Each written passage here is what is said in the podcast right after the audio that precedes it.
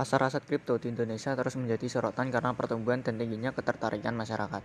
Bahkan pertumbuhan investor aset kripto ini melebihi kecepatan pertumbuhan investor saham. Menurut data dari Bapepti, sampai dengan Maret 2021, jumlah investor aset kripto mencapai 4,45 juta orang. Pertumbuhan masif, masif investasi aset kripto ini terjadi seiring dengan antusiasme investor memilih aset kripto sebagai alternatif instrumen investasi. COO Toko Kripto, Teguh Kurniawan Hernanda mengatakan bahwa sebagai negara dengan populasi terbesar keempat di dunia, peluang aset kripto tumbuh subur di tanah air terbuka lebar. Di sisi lain, Indonesia memiliki keunggulan, yakni regulasi untuk melindungi perdagangan aset kripto. Indonesia memiliki 270 juta populasi masyarakat, sehingga kemungkinan ada 270 juta wallet address yang bisa digenerate.